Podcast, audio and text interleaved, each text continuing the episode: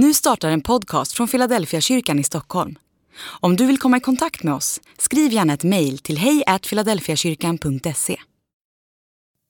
Dag 105 Synden och jantelagen. Rätt många människor har förväxlat synden med jantelagen.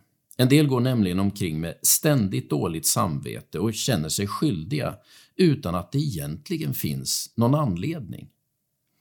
Man har, man har inte gjort någon annan illa och man har inte varit särskilt självisk. Man har försökt göra så gott man kan, men känner sig ändå usel. Det brukar sällan handla om synd.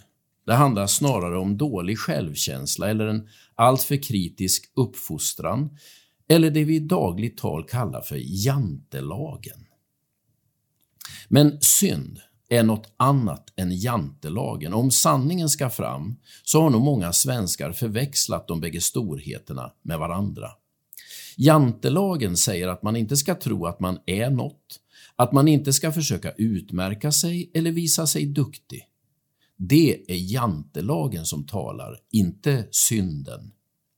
Jag har mött en del människor som tror att de är syndare, att de borde bekänna en massa brister de har. Men när man lyssnar på dem så inser man att det är inte där problemet sitter. Problemet är en bristande självkänsla och jämförandets förbannelse eller jantelagens ok. Sånt behandlas inte med syndabekännelse och förlåtelsens ord. Sånt kan bara behandlas med en rejäl dos av Guds kärlek. Sträck på dig. Du är älskad av Gud och så värdefull i hans ögon att han sände sin son till jorden för din skull.